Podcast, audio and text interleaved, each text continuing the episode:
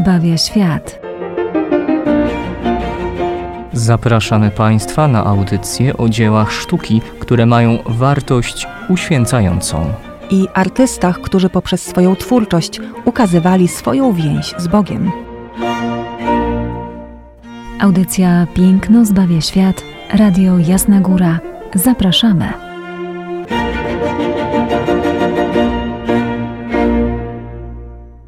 Drodzy radiosłuchacze, po wakacyjnej przerwie e, ponownie witamy Was e, gorąco i serdecznie w audycji Piękno zbawia świat. Ojciec Tomasz Mordziałek i Izabela Banaszewska. Faktycznie jest to nasza pierwsza po wakacjach audycja, ale ojcze, ona w pewnym sensie będzie tematu wakacyjnego dotyczyła. Tak, dokładnie. Postanowiliśmy, żeby przedłużyć Wam wakacje i to, co może już e, widzieliście, co przeżywaliście, przeciągnąć na ten już e, okres szkolny, prawie że studencki, no ogólnie ten już powakacyjny, byśmy mogli e, sięgnąć do bardzo ważnego wydarzenia historycznego dla naszego narodu, ale i również od strony wiary, bardzo istotnego, a miał miejsce on e, w sierpniu, a omawiamy obraz Jerzego Kosaka, Cud nad Wisłą. Tak jest. Jerzy Kossak, Państwu pewnie znane nazwisko, jest generalnie najmniej znanym y, malarzem z rodziny Kossaków. Kojarzymy oczywiście Juliusza, który był jego dziadkiem, kojarzymy także i Wojciecha, który był jego ojcem. Natomiast y, Jerzy Kossak mm, to artysta, któremu przypadło żyć, tworzyć, malować w latach wojennych, w latach I wojny światowej.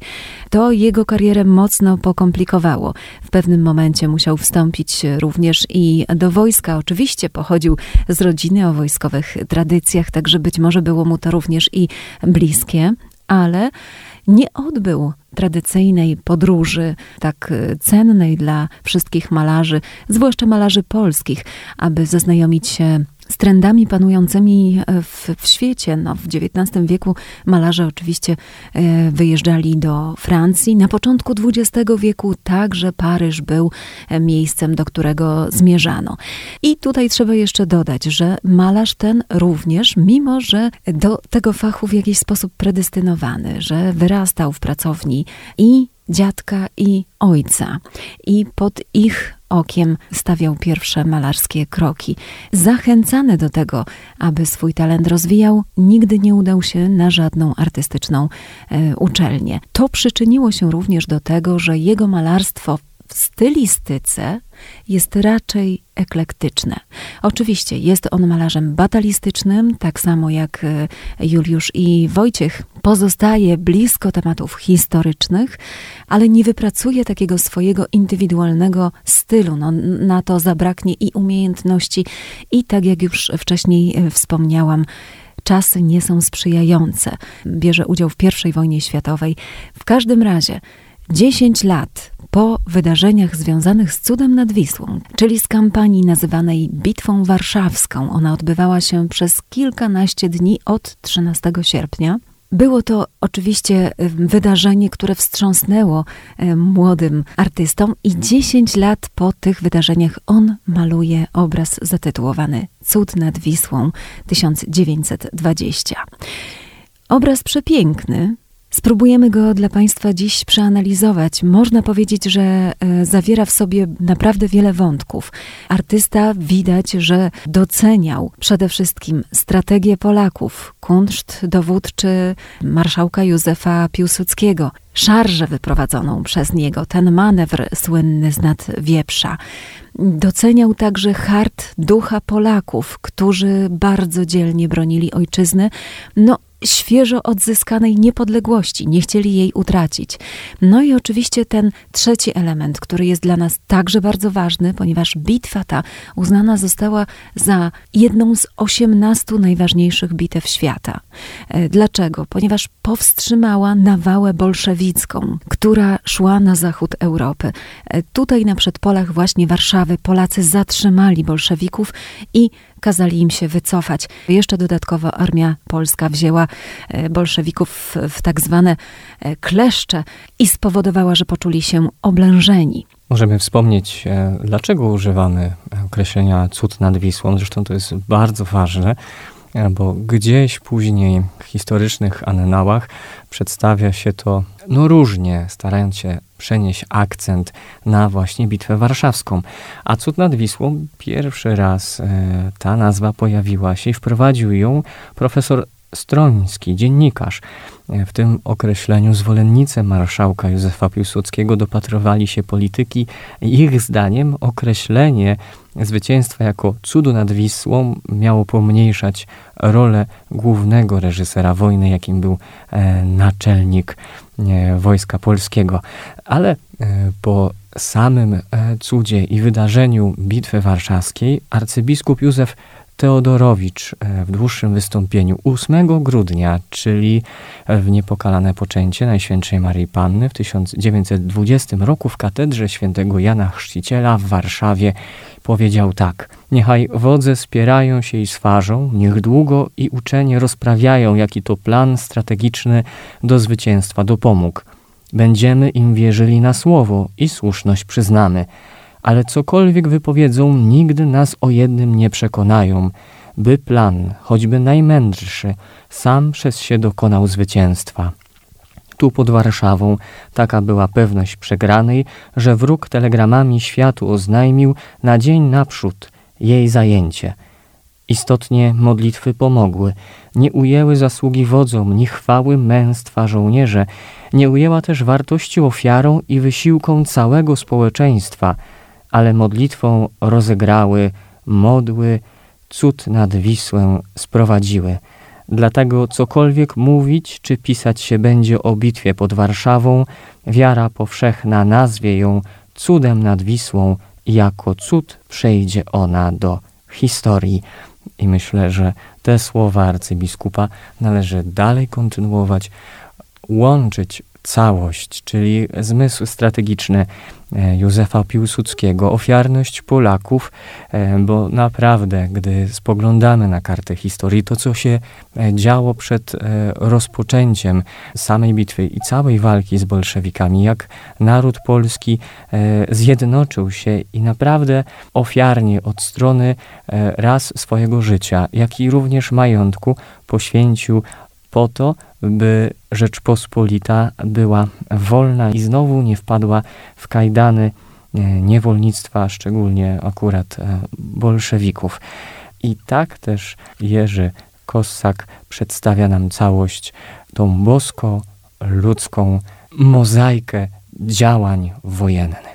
I tutaj rzeczywiście widzimy to połączenie kunsztu i fenomenu e, strategicznego naczelnego wodza Józefa Piłsudskiego, jak również interwencję Maryi w pomoc polskim wojskom, które idą do ataku na bolszewików. Ja jeszcze nawiążę do tego, e, o czym wspomniał ojciec. Rzeczywiście, Stanisław Stroński 14 sierpnia, a więc dzień przed tymi wydarzeniami, o których mówimy, popełnił taki artykuł, który zatytułował O cud Wisły, w którym to mówi, że położenie Polaków jest tak dramatyczne, że tylko cud może ich ocalić. A w tym momencie nawiązał także do cudu nad Marną, do dramatycznego położenia Francji w momencie I wojny światowej, kiedy to na przedpolach Paryża e, rozegrała się podobna bitwa. Tam oczywiście Francja walczyła z Niemcami i też udało się przy przeważającej liczbie wroga zwyciężyć. Tę bitwę nazwano cudem nad Marną. Stąd też Stanisław Stroński używa e, tutaj sformułowania o cud Wisły pięknie przylgnie to rzeczywiście do e, tego wydarzenia, łącząc wszystkie interwencje, zarówno strategów wojskowych, Polaków broniących się, jak i odwołanie do interwencji niebiańskiej, interwencji Matki Bożej, Kossak umieszcza tutaj w obrazie, do czego za chwileczkę dojdziemy, Matkę Bożą łaskawą patronkę Warszawy. Ona tutaj będzie dowodziła wojskami niebiańskimi, niebiańską husarią. A więc w tym obrazie widać, że artysta docenia wszystkie elementy. On nie chce tutaj wchodzić e, w e, dialog zwolenników czy też przeciwników Józefa Piłsudskiego. On chce pokazać fenomen wygranej, bo rzeczywiście był to cud. Wygrana Polaków przy ogromnej bolszewickiej przewadze liczebnej. Idziemy już bezpośrednio teraz do naszego obrazu, który został zakomponowany w formie leżącego prostokąta. Taka oczywiście forma była zawsze łatwiejsza dla obrazów batalistycznych, bo wtedy możemy pokazać na jednej przestrzeni, w jednym pasie e, więcej szczegółów. Ale oprócz tego, że nasz autor pokazuje zgiełk oczywiście bitwy i wielkie nagromadzenie tutaj żołnierzy, batalionów, kompanii, to proszę zauważyć, że opiera kompozycyjnie swój obraz o trójkąt. Całą przestrzeń obrazu wypełnia piramida, na której szczycie najwyższym punktem jest ksiądz z krzyżem w ręce. I wiemy, że jest to postać historyczna, jest to ksiądz Ignacy Skorupka, który zgłosił się do pierwszego batalionu 236 Pułku Piechoty Armii Ochotniczej imienia weteranów 1863 roku. Ten ksiądz opiekował się nieletnimi wojakami, umacniał ich komunią świętą i zawsze był pośród młodzieży, oczywiście dodając ducha, dodając otuchy. Niestety jednak w dniu, o którym mowa, czyli 15 sierpnia, nie mogło go tutaj być, ponieważ dzień wcześniej pod Osowem zginął. Również nie mogło tutaj być pojawiającego się w lewym górnym rogu obrazu po drugiej stronie Wisły e, marszałka Józefa Piłsudskiego, który dowodził wówczas całym manewrem, będąc e, na miejscu w komendzie głównej w Puławach.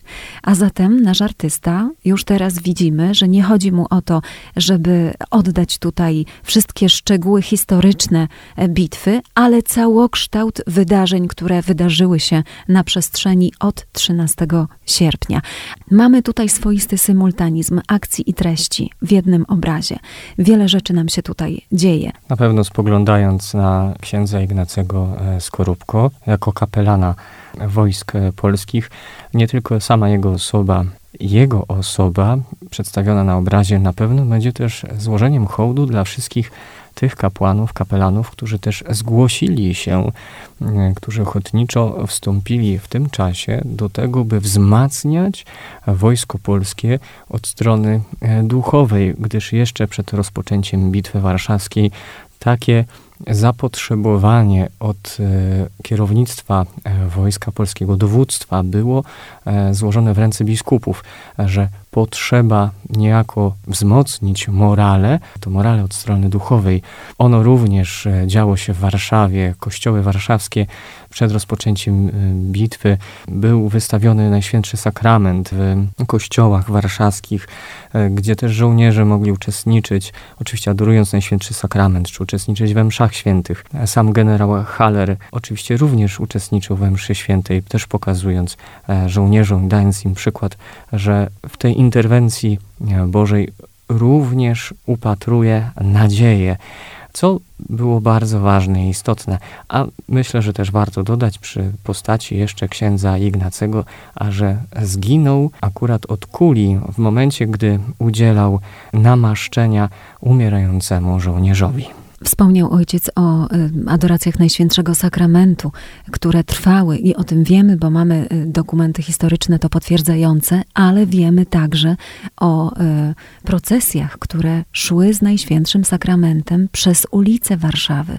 Oczywiście tych procesjach szli ci, którzy w walkach bezpośrednio nie uczestniczyli, ale lud modlił się.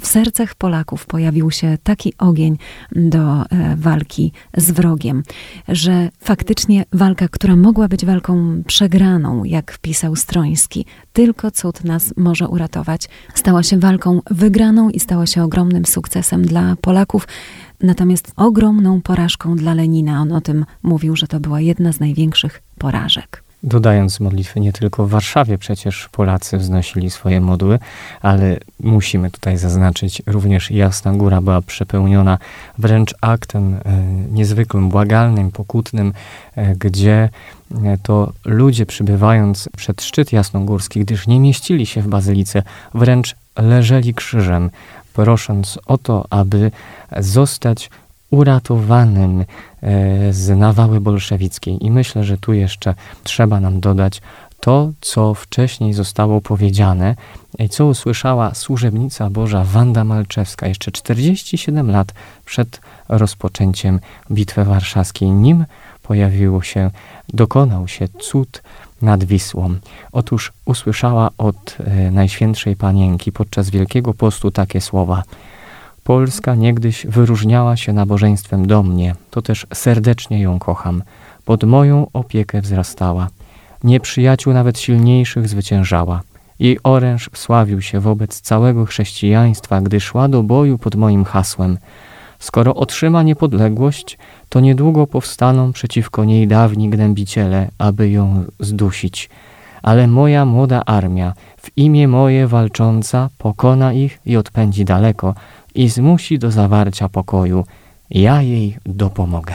Spójrzmy teraz na szczyt piramidy w naszym obrazie. Tam, obok księdza Ignacego, o którym już powiedzieliśmy, żołnierz polski ze sztandarem. W sztandarze widzimy krzyż kawalerski i drodzy Państwo, e, do dziś ten krzyż kawalerski jest sztandarem polskich sił zbrojnych, a jego kształt reguluje ustawa z 1993 roku. Zresztą dzień 15 sierpnia, jak wiemy, stał się także i świętem Wojska Polskiego. Przeżywaliśmy go w połowie sierpnia tego roku.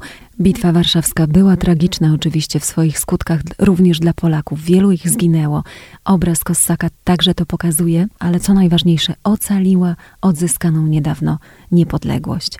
No i kiedy przechodzimy już rzeczywiście do szczegółów tego obrazu, to zobaczmy, że znów w nawiązaniu do postaci księdza Ignacego, który choć nie jest na pierwszym planie, to jednak poprzez ustawienie tej postaci na samym szczycie piramidy, która nam się tutaj tworzy, do niego musimy wiele innych postaci odnosić. I tutaj widzimy z lewej strony obrazu młodego chłopca, który jest w charakterystycznym kapeluszu. Nie jest w hełmie, nie jest w czapce, jest w charakterystycznym kapeluszu skauta. I to znów ukłon wobec tej nieletniej młodzieży, którą opiekował się ksiądz Ignacy, a która w ogromnej większości to byli skauci, to byli harcerze, to byli także młodzi, szesnastoletni chłopcy, którzy zaciągnęli się e, do tej walki, aby, aby bronić niepodległości swojej ojczyzny. Tutaj w postaci tego skauta Jerzy e, Kossak oddaje im zdecydowanie hołd.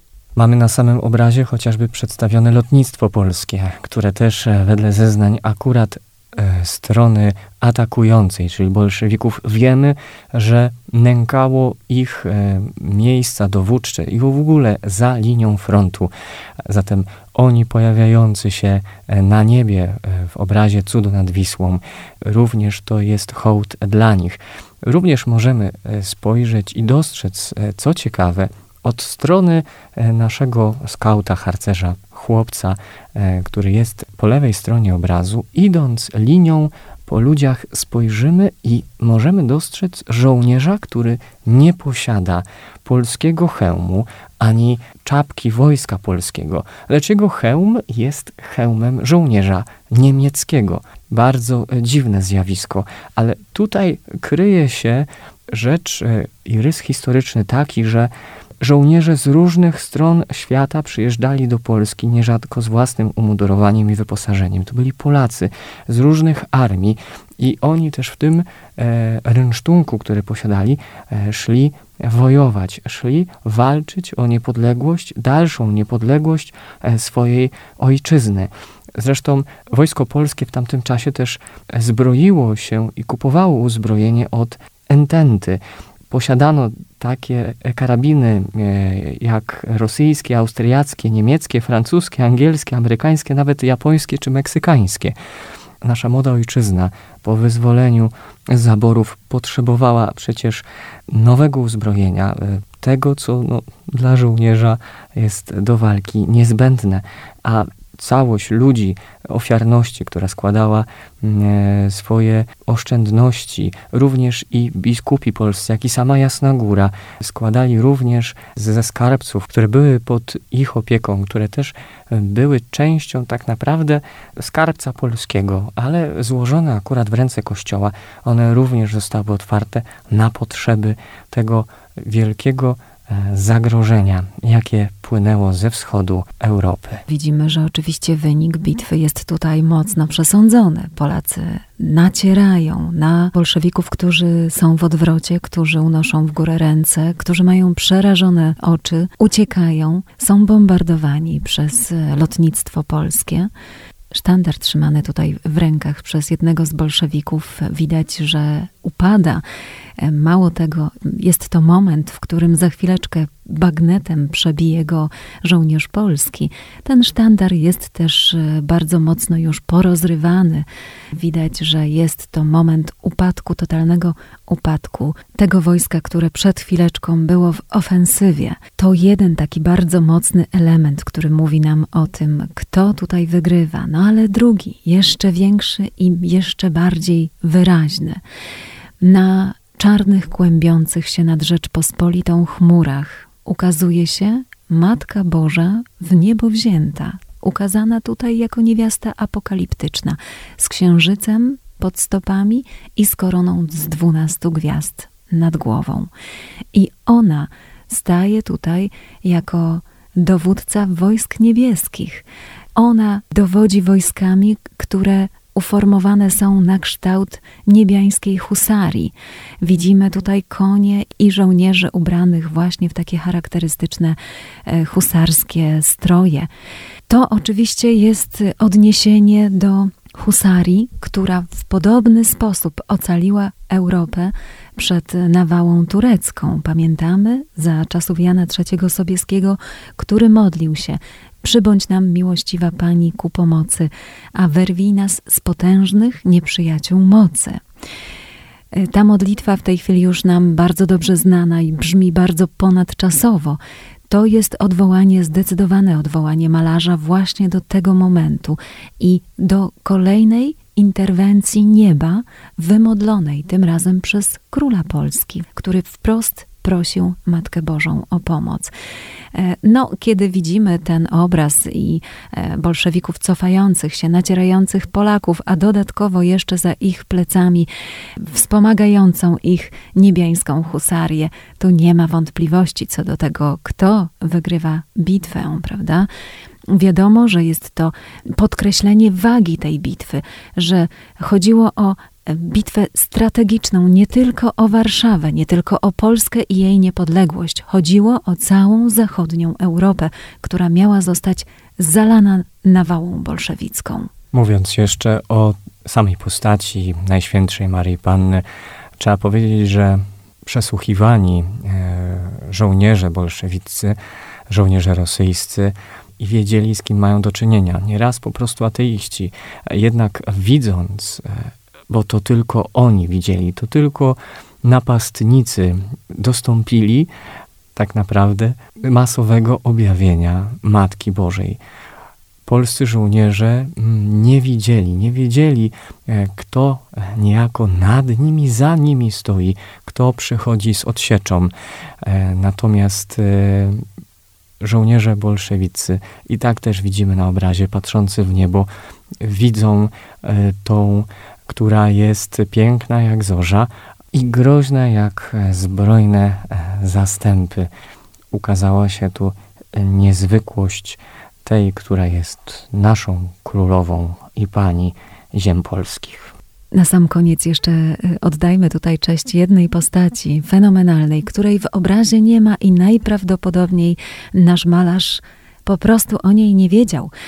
E, porucznik Jan Kowalewski, dzięki któremu Polacy wiedzieli wszystko o bolszewickiej armii, wiedzieli gdzie stacjonuje, wiedzieli jakie jest jej zaopatrzenie i jakie są jej cele. E, porucznik e, Kowalewski, który rozszyfrował wszystkie depesze słane sobie przez dowódców bolszewickich a rozszyfrował jedną z nich, pierwszą z nich podczas swojego dyżuru nocnego. W przeciągu kilku godzin był już w posiadaniu 50% e, jednej depeszy.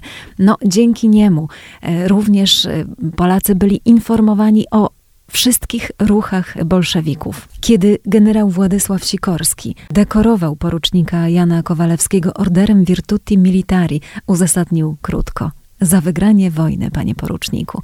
Tej postaci tutaj nie ma, ale warto o niej wspomnieć. Także rzeczywiście widać, że interwencja Boża szła wielokierunkowo i wykorzystywała tutaj talenty poszczególnych e, dowódców, poszczególnych osób, które e, w, w tej wojnie brały udział. I pozwólcie, że zakończymy dość może wojskowo. Cześć i chwała bohaterom i jedynemu Bogu wraz z Matką Najświętszą.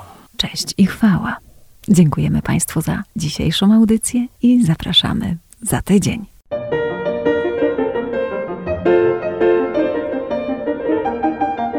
Piękno zbawia świat.